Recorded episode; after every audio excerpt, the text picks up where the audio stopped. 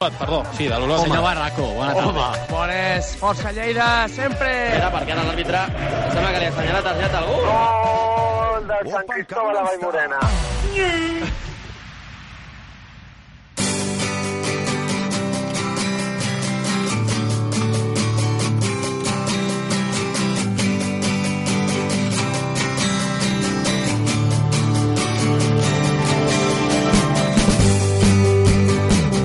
Falten dos minutets per tres quarts de 12 del matí. Avui, a aquesta hora, arriba la nostra secció del coaching i l'esport amb en Xavi Garcia. Xavi, molt bon dia, benvingut, com sempre. Hola, gràcies, bon dia. Avui fem una secció d'aquestes més que mai lligada a l'actualitat, eh? I és que ahir va començar la final a 4 de l'Eurolliga de bàsquet, va guanyar Olympiacos contra el CSKA de Moscou i el Madrid va guanyar contra el Barça. Madrid i Olympiacos jugaran la, la gran final i el conjunt blaugrana i el CSKA de Moscou, el gran favorit, jugaran pel tercer i quart lloc demà. Avui volem, aprofitant aquesta final a 4 de l'Eurolliga, analitzar-la des d'un punt de vista mental, que és el que al cap i a la fi acostumem a fer en aquesta secció. Si et sembla, anem desgranant poquet a poquet, anem per ordre cronològic. Primera semifinal, eh, va guanyar Olympiacos, com dèiem, Olympiacos contra CSKA Moscou, per, per qui ens estigui escoltant i no situi o no, no hi toqui gaire de bàsquet o no li interessi gaire, el CSKA de Moscou era el gran favorit, sens dubte, l'equip amb més pressupost de tota la competició, amb un dels entrenadors més prestigiosos com és Ettore Messina, probablement jugador per jugador la millor plantilla, i potser arribava amb aquesta pressió, amb aquesta condició de favorit davant el que és el vigent campió, l'Olimpiakos, que ja va guanyar de manera sorprenent també l'any passat.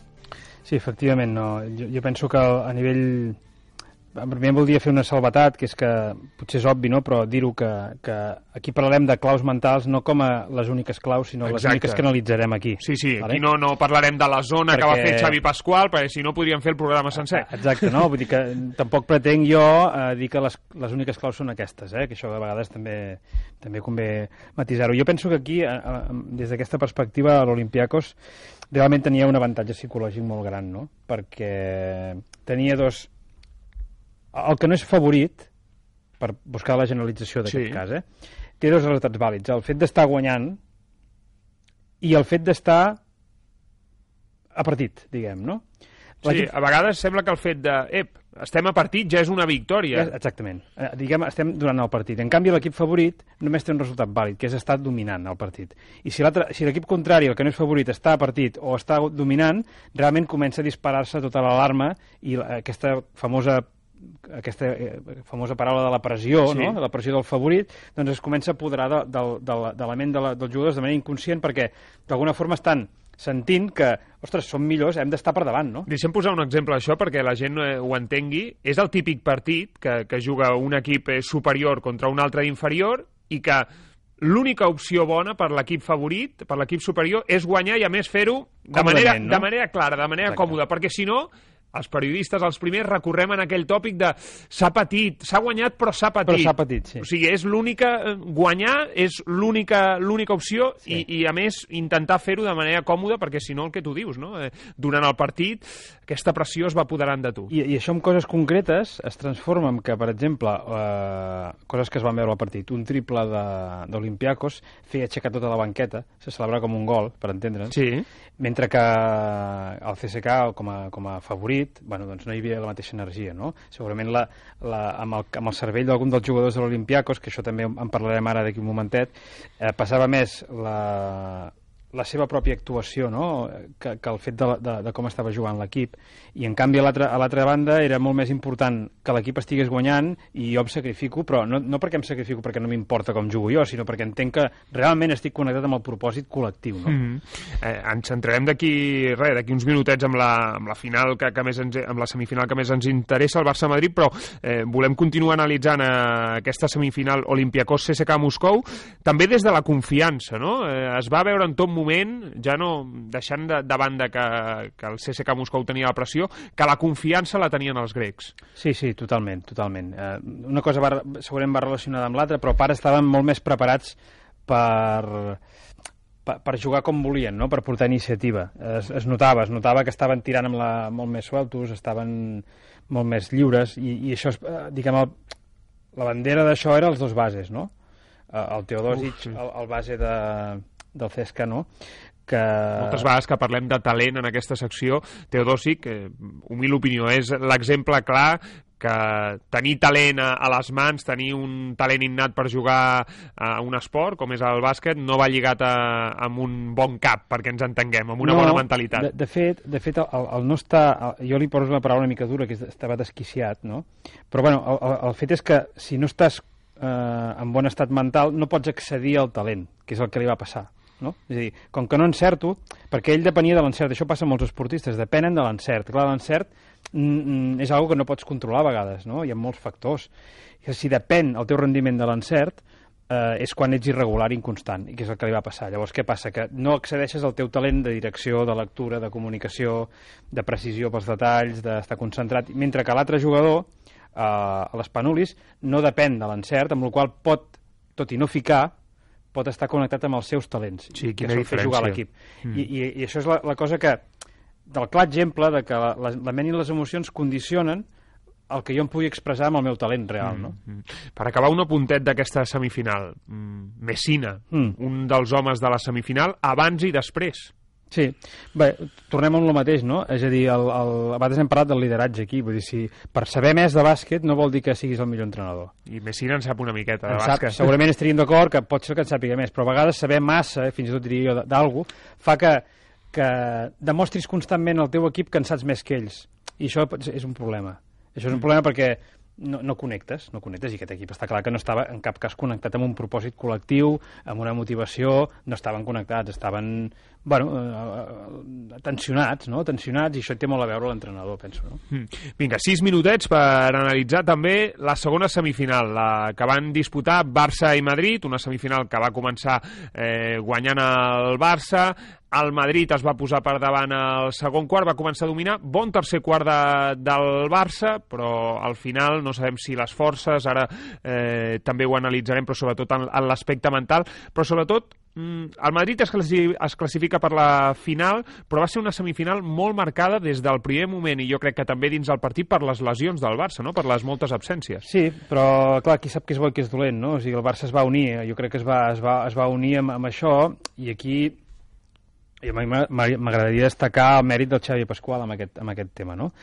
Uh, jo sempre he, he qualificat el bàsquet del Barça de molt científic, de poc, de poc creatiu, de molt controlat, Sí.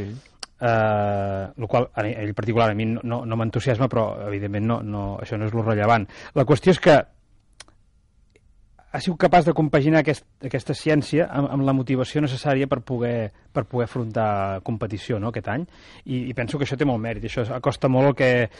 Si tenir l'equip mentalment preparat i, a més a més, amb, eh, molt estructurat, és el que li va faltar, per exemple, al CSK, no? O sigui, poder estar molt estructurat, però no estaven, no estaven mentalment eh, alineats. I, en canvi, el Barça estava a les dues coses, no? Eh, això, diguem, com a prèvia i com a pràcticament tot el partit. I penso que això és, és algo a destacar, perquè és l'objectiu de, del que jo li dic l'art d'entrenar, no? Combinar, combinar el que són els detalls tècnics amb la motivació, no? Més enllà de la victòria o la derrota, mm, em quedo, em venen a la memòria primer quart, cares de- d'això, de, de molta unió del Barça quan les coses van bé, però en l'altre en l'altre sentit, quan les coses han anat malament, quan s'ha confirmat que estàs eliminat, veus les imatges del vestidor, Sí, sí. Nathan Jaway, que ahir va fer un esforç, sembla mentira, eh, però un jugador australià, que primer any al Barça, ahir es va jugar al físic per ajudar el seu equip, encara que fossin dos minuts. Jo crec Sí. que mm, aquestes cares del primer quart, mm, aquest compromís, aquesta pinya que va fer l'equip tot i la derrota, la gent mm, van encaixar un parcial de 17 a 2, però tothom Sí. sap que es va buidar. Potser si hi ha una, una manera de perdre és aquesta, no?, en quant a, a nivell A, mental. ni, a, ni, sí, a nivell de transmetre... Jo diria aquí més emocional que mental, és a dir, més emocional de- d'implicació, de, de compromís...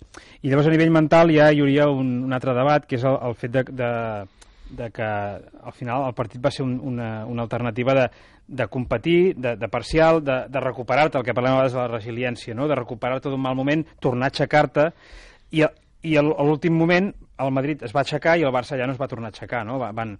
I segurament, a nivell tàctic hi ha algunes claus no, d'això, però a nivell, a nivell mental doncs, hi, hi hauria potser aquest, aquest cansament mental més que físic, perquè el físic, eh, si mentalment estàs connectat, el físic aguanta, no? I crec que el, el Marcelinho Huertas va, ho va explicar molt bé al final del partit, que no, no volien recaure l'excusa del físic, no? Mm. Perquè el físic, vull dir, tu has d'estar preparat, saps que és un partit de, de vida o És mort. que si no, no surts a clar, jugar. Clar, no? I, i el Jaguai doncs, bueno, va, va demostrar això, però també la resta, no? De dir, realment, emocionalment estaven molt implicats, mentalment al final va faltar una mica de claredat, claredat mental de què fer, no? Mm. De què fer.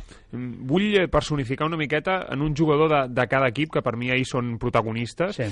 que són Tomic, que recordem l'any passat estava al Real Madrid i aquest any està fent una temporada espectacular. Sí. Sembla una, hi ha gent que diu que li han injectat eh, sang nova Sí, perquè sí, sí, sí. és un jugador que li mancava caràcter i aquest any està demostrant tenir, a més de molta qualitat que ja se li coneixia i Sergio Rodríguez, el Chacho, al Real Madrid, que és el talent personificat si el deixes fer. Sí, crec que m'agradaria començar per, per aquest, perquè realment és, és, el, és un exemple de que, de que els entrenadors hem d'anar al tanto, no? Quan volem ser massa protagonistes, eh, privem a, a, a l'espectador i, i a l'esport en general que aquests jugadors su- surtin, no? Surti tot el talent del jugador, no? Eh, jo estic convençut que molts dels partits que juguen de a bàsquet, ara mateix, si no hi hagués l'entrenador, serien més divertits. I això sap greu dir-ho, però ho veig d'aquesta manera. I aquest jugador, eh, ell té molt mèrit, però també té molt mèrit el Lasso deixant-lo expressar-se, perquè ell trenca esquemes, ell fa, ell, ell llegeix, interpreta i se, se, se, sent- se sent lliure. I el bo és que aquest tipus de partits els trenquen aquest tipus de jugadors, no? Mm. I, i per, per, per la part de Tomic, clar, tots sabem la, la, aquest, aquest plus de motivació quan, Quan quan, representa enfrontar-te al teu exequip quan t'han fet fora, Ah, sí, l'entrenador no ha exacte. confiat en tu... Sí, no? i llavors això és un de, dels, dels tòpics i els clàssics del, del món de l'esport que el que no et servia a tu, després quan juga contra tu, doncs t'ho fa t'ho demostra. El que passa que seria bo que ho hagués pensat abans, no? I, i, i hagués donat el màxim a l'equip on estava, també, no? Però sí, realment es, es veia aquest, aquest extra d'atòmic, també perquè era conscient de que el seu relleu tampoc estava al camp, no? I això és un plus de responsabilitat i de maduresa que, que, te- que cuidado, perquè quan tens aquesta sobremotivació pots cometre l'errada de fer faltes, de fer imprecisions, no?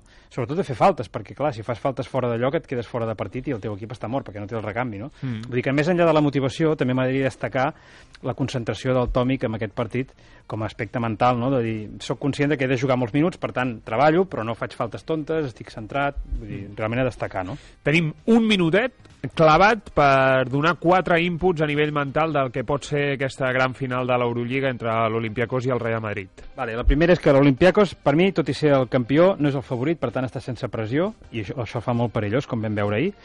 La segona és que els dos tenen molt a guanyar, eh, sí que potser un més favorit que l'altre, però els dos tenen molt a guanyar, jo crec que pot ser un partidàs.